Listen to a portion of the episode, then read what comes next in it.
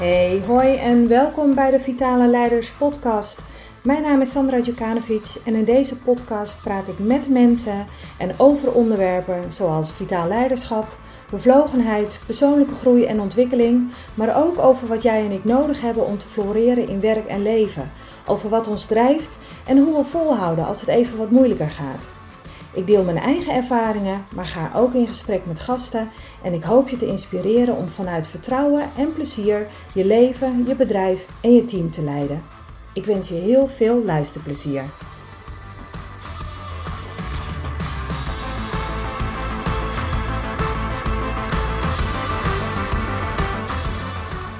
Hey, hartelijk welkom bij alweer de volgende aflevering. En in deze aflevering ga ik het hebben over de moeilijke onderwerpen. Hoe ga je daar nou het gesprek over aan? Ze zijn onvermijdelijk en ze gaan hoe dan ook namelijk een keer komen. Die moeilijke gesprekken. Dat slecht nieuwsgesprek.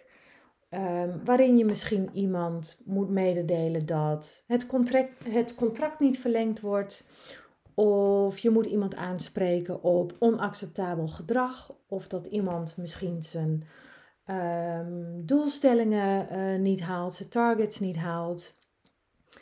Heel veel leiders die ik spreek vinden het moeilijk en lopen er tegenaan.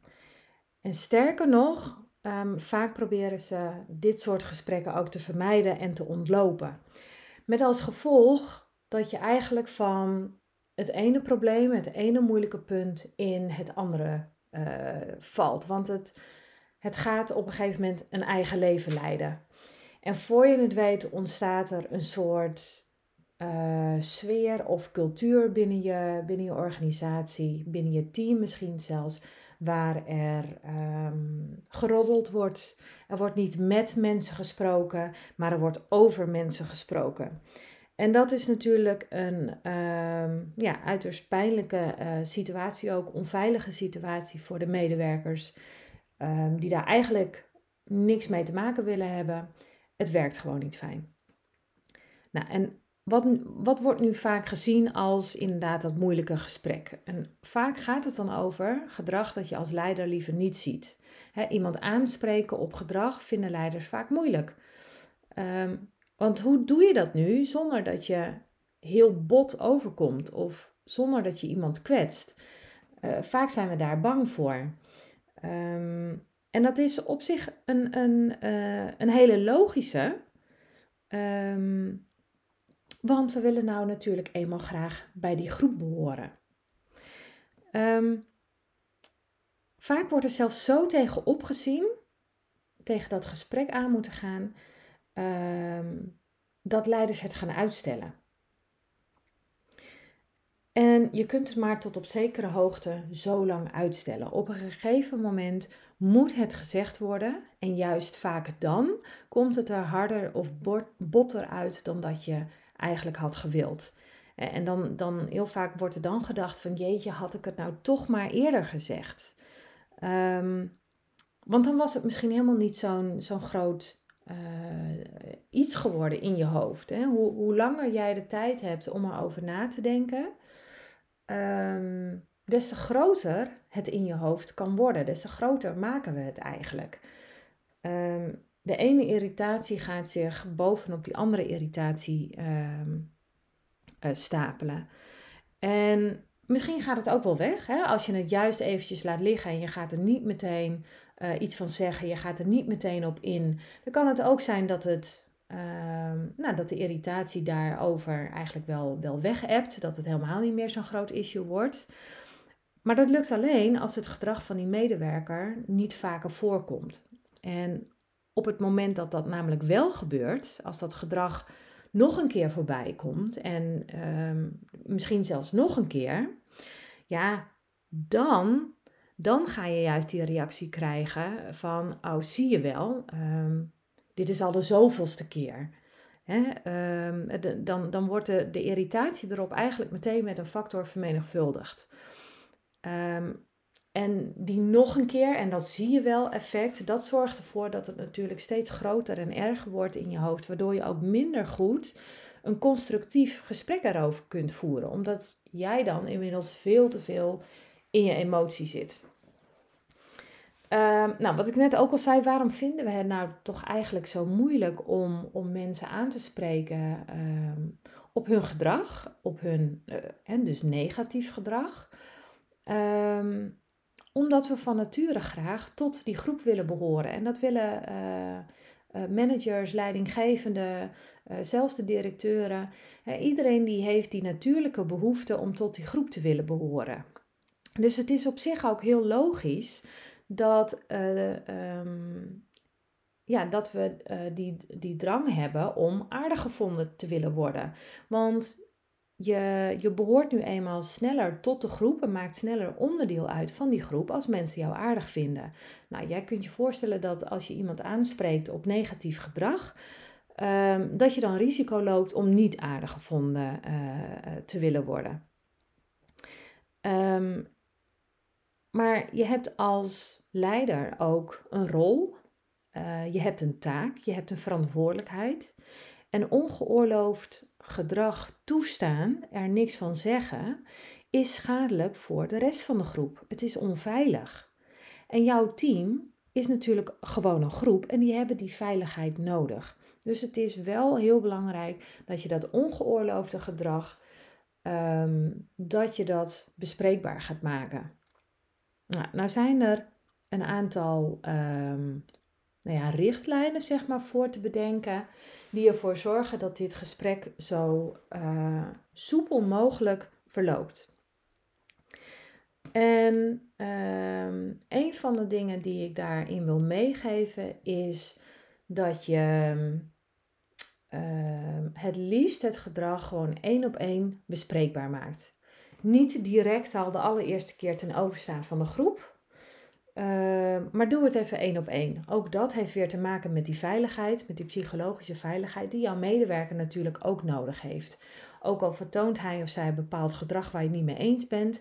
Uh, sterker nog, uh, waarvan je wilt dat het ook ehm, dat het stopt, dat het verandert dan nog steeds heeft die medewerker ook die psychologische veiligheid nodig en creëer dus ook een setting waarin dat is, waarin dat gesprek gewoon één op één in alle uh, privacy zeg maar plaats kan vinden.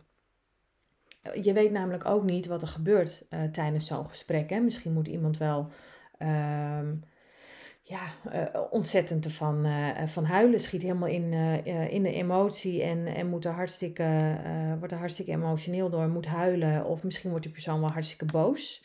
Um, en vanuit boosheid kan het natuurlijk heel snel verder escaleren. Dus doe dat één op één. Um, wacht er ook niet te lang mee. Als je bij jezelf merkt dat, dat het je echt dwars zit. En je moet natuurlijk bij dit soort. Hè, je hebt gedrag en je hebt gedrag. Je hebt onacceptabel gedrag. En je hebt gedrag waarvan je echt zegt van ja, maar jongens, dit kan echt niet. Um, adresseer het gewoon zo snel mogelijk. Zie je het gebeuren op dat moment en gaat het echt alle perken te buiten? Nou, vergeet wat mij betreft dan regel 1 ook maar. Want dan, uh, maar, maar dan moet iemand het ook wel echt heel erg bond maken. Um, spreek iemand er dan direct op aan. Dus doe het gelijk als het gedrag je ook opvalt. Sta niet toe bij jezelf dat het uh, de kans heeft om, om te gaan etteren. Hè? Misschien de eerste keer, dan kun je gaan nagaan of het misschien bij jezelf, uh, ja, dat het soort van weg hebt. Misschien was het eenmalig gedrag. Um, nou, dat, dat kan. Dus in die zin kun je even afwachten van, goh, als het nou nog een keer voorkomt, dan ga ik er wel wat van zeggen. En dan moeten we het gesprek uh, erover aangaan.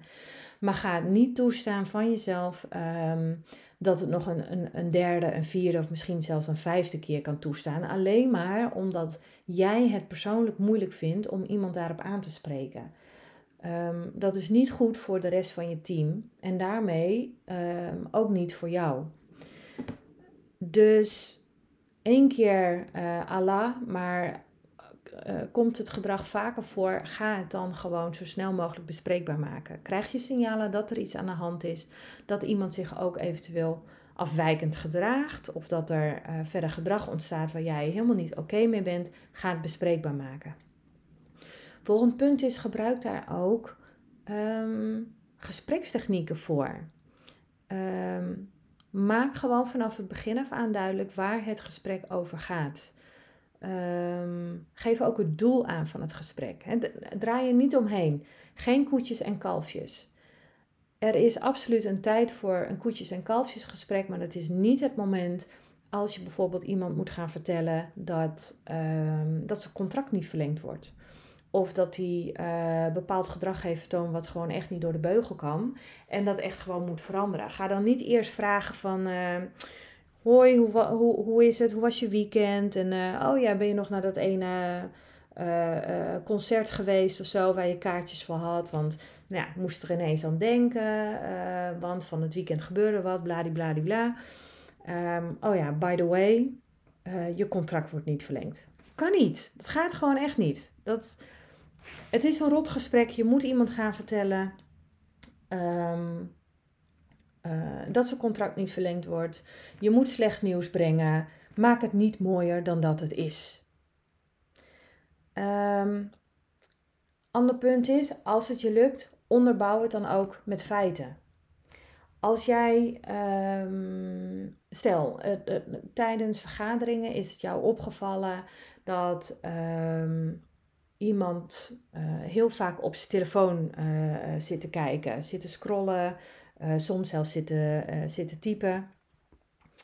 Um, nou ja, je kunt ervoor gekozen hebben om dat direct tijdens de vergadering bespreekbaar te maken. Um, je kunt die persoon ook naar de hand bij je roepen en het dan bespreekbaar maken. Um, ook hier gebruik die gesprekstechnieken. geef letterlijk aan wat jou is opgevallen. Um, het is mij opgevallen dat jij tijdens de vergadering um, veel met je telefoon bezig was. Um, op mij kwam dat heel ja, een beetje on, onverschillig en ongeïnteresseerd over. wat is er aan de hand? En dan, dan heb je het heel erg uh, onderbouwd met feiten. Dit is wat ik heb gezien. Dit is ook wat het met mij deed, wat voor gevoel ik erbij kreeg. Um, en vervolgens stel je ook uh, de vraag van, ja, wat speelt er? Wat is er aan de hand? En dat geeft um, de medewerker ook de gelegenheid natuurlijk om daarop te reageren. En wat mij betreft is dat ook, uh, is, zeker in dit soort gevallen, is dit ook de manier waarop het mag gaan. Want heel vaak weet je niet wat er speelt. En ik, ik geloof er niet per se in dat iemand, uh, hè, dat medewerkers bijvoorbeeld tijdens die vergadering expres gedrag vertonen wat, uh, ja, wat vervelend is voor de rest, wat irritatie opwekt um, enzovoort. Dus naar mijn idee zit er eigenlijk altijd wat achter. En dat heb ik in, in, uh, in mijn gesprekken met, uh, met leidinggevenden of zelfs met medewerkers ook zo gemerkt. Heel vaak zijn ze zich ook niet per se bewust van het gedrag dat ze vertonen. laat staan dat het vervelend is voor de rest, hoe het overkomt voor de rest. Um, maar er speelt 9 van de 10 keer ook wat anders. Dus wat nou als jij je zegje hebt gedaan en hoe ga je dan verder? Nou, ik ben heel erg voorstander van het inzetten op competenties. Uitgaan van uh, de sterkten in plaats van die zwakten. Dus om dat slecht nieuwsgesprek nou niet te eindigen met, nou, dit moet je niet meer doen, is het beter om samen met die medewerker te gaan kijken naar um, hoe hij of zij gebruik kan maken van zijn of haar sterke eigenschappen om te zorgen dat dat gedrag gaat veranderen of dat er een oplossing komt. Um, dus wat heeft iemand uh, uh, nodig om, um, om van die ongeïnteresseerdheid af te komen? Als, dat, als blijkt dat dat aan de hand is, hè, iemand die zit niet voor niks aan die telefoon te pielen, Um, daar ga je het gesprek over aan. Je gaat benoemen wat je hebt, wat je hebt gezien en, en um, wat voor idee jij daarbij hebt, wat voor gevoel jou dat geeft, hoe dat overkomt op, uh, op de rest. En dat het wat jou betreft um, ja, niet acceptabel is. En dat je inderdaad vanuit die oprechte interesse ook vraagt van, joh, is er wat aan de hand? Wat speelt er? En misschien krijg je dan uh, het hele verhaal boven. Um, en misschien, misschien speelt er in de privésfeer wel iets. Misschien heeft de medewerker inderdaad uh, geen interesse in het onderwerp waarover gesproken wordt tijdens de vergadering. Dat kan natuurlijk. Als jij dan gaat inzetten op uh, dat sterke kantenverhaal, op die talenten en dergelijke, nou, dan kun je of gaan kijken van, um, hey, wat kun je nou doen om jouw werk eventueel interessanter te maken? Ofwel, je kunt je gaan afvragen van, goh, moet jij dan eigenlijk wel bij deze vergadering zijn? Is, is ook een optie. Um, maar wat natuurlijk ook kan spelen, is dat er uh, inderdaad in de privésfeer iets speelt, um, waardoor iemand um, uh, ja, zijn tijd uh, daarmee kwijt is. Hè? Als iemand in een scheiding ligt bijvoorbeeld, nou ja, dan zijn er natuurlijk heel veel emotionele issues die, die naar boven komen. Um, um, je hebt zorgen om, om je kinderen. Misschien moeten de kinderen zelfs wel naar school gebracht worden. Um, er kan van alles en nog wat aan de hand zijn.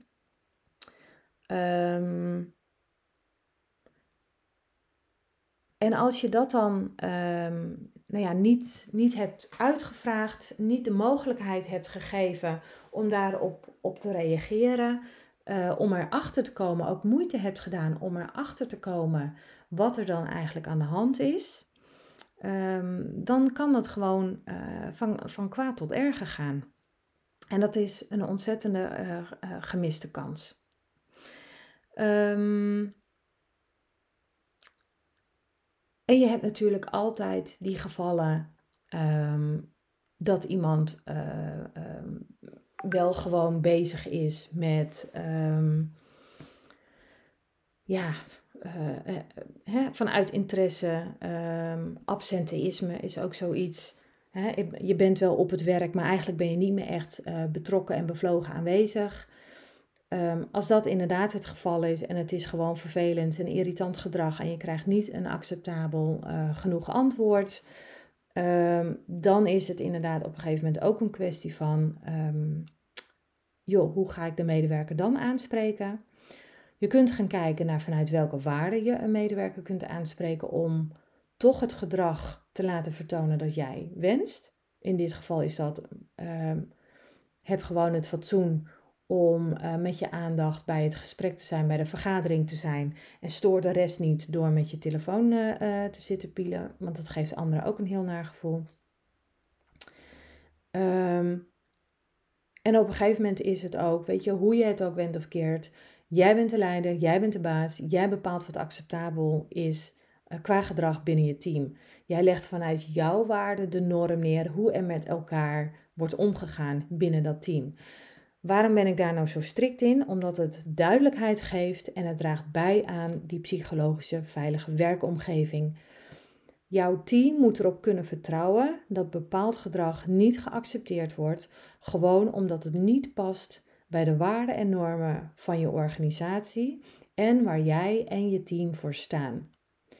En als jij daar niet tegen optreedt, verlies je je geloofwaardigheid en vertrouwen en dan loop je risico dat er um, een roddelcultuur ontstaat. En dat is gewoon een voedingsbodem voor veel en veel meer narigheid. Um, ik heb dit uh, aan de lijve ondervonden toen ik in gesprek was met, uh, met de leidinggevende van een, uh, van een afdeling bij, bij TNO. daar heb ik ook ooit van dit soort vitaal leiderschapsgesprekken mee gehad. En die vertaalde dit gegeven naar heel open en eerlijk zijn over een reorganisatie van de afdeling die eraan zat te komen. Daar is hij heel open over geweest. En dat was ook echt een moeilijk gesprek dat hij had met de afdeling. En hij noemde het zelfs een, uh, een buikpijngesprek.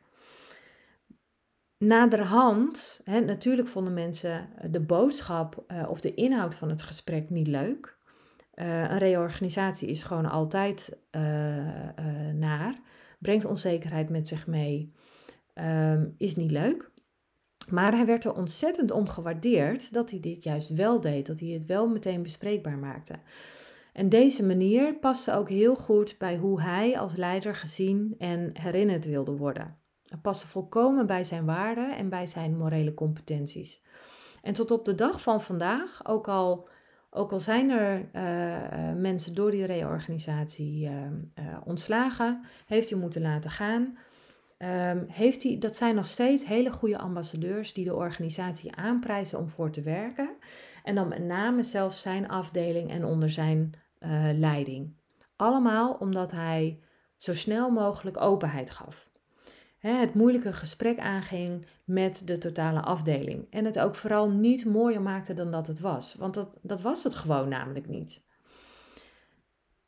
Um, het aangaan überhaupt van moeilijke gesprekken, of je nou um, iemand moet ontslaan of moet aanspreken dat hij zijn doelstellingen niet haalt of dat hij niet uh, voldoen, in voldoende mate um, nou ja, presteert of aan, aan de verwachtingen voldoet, dat maakt je eigenlijk een stuk makkelijker als je al vertrouwd bent met überhaupt gesprekken aangaan met je medewerkers. En dus niet alleen dus een keer, één keer in de zoveel tijd of uh, nog erger twee keer per jaar. En serieus waar, ik heb echt in organisaties um, gewerkt waarbij um, leidinggevenden of managers maar twee keer per jaar met hun medewerkers in gesprek gingen. Um, dus ze kenden elkaar eigenlijk helemaal niet. Maar je moet weten wat er speelt binnen het team bij je medewerkers die medewerker die dus heel vaak op die telefoon zit of regelmatig te laat komt, wat speelt daar? Wat is daar aan de hand? Vindt hij het werk inderdaad niet meer leuk? Ehm, is het niet meer uitdagend genoeg? Of ehm, eh, spelen die privézaken zoals bijvoorbeeld uh, een scheiding? En natuurlijk is dat laatste, uh, heb je het dan over een privé-aangelegenheid. Maar als jouw medewerkers gewend zijn dat jij regelmatig vanuit oprechte interesse een gesprek met ze aanknoopt, dan zijn deze moeilijke gesprekken uh, veel makkelijker te voeren. Dan heb je die basis al. Dan is er zelfs dus al die, uh, die binding, hè, die, uh, die psychologische basisbehoefte van binding, die is er dan niet alleen met het werken met onderlinge collega's, maar die is er dus ook met jou. Van medewerker naar leidinggevende toe. En jij toont aan door oprecht en serieus met ze in gesprek te gaan, dat jij ook die binding naar hen toe hebt. En er is sprake van wederzijdse betrokkenheid. En dat maakt het aangaan van ook de moeilijke gesprekken veel makkelijker. Sterker nog, uh, de kans is heel groot dat die medewerker die met privéproblemen speelt, dat die al in een eerder stadium naar jou toe komt, zonder dat er sprake is van um, uh, van ongewenst eh, gedrag, zeg maar, of on, ongeaccepteerd, ongeoorloofd gedrag. Um, en het bij voorbaat al met jou deelt. En dan hoef je niet eens het moeilijke gesprek aan te gaan. Dan kun je meteen overgaan tot, tot het gesprek van: oké, okay, um, wat heb je nodig? Um, wat verwacht je van mij? Of wat zou je graag zien wat ik kan doen? En dan kun je vervolgens daaraan bepalen van um, dit kan ik wel voor je doen en dit kan ik niet voor je doen.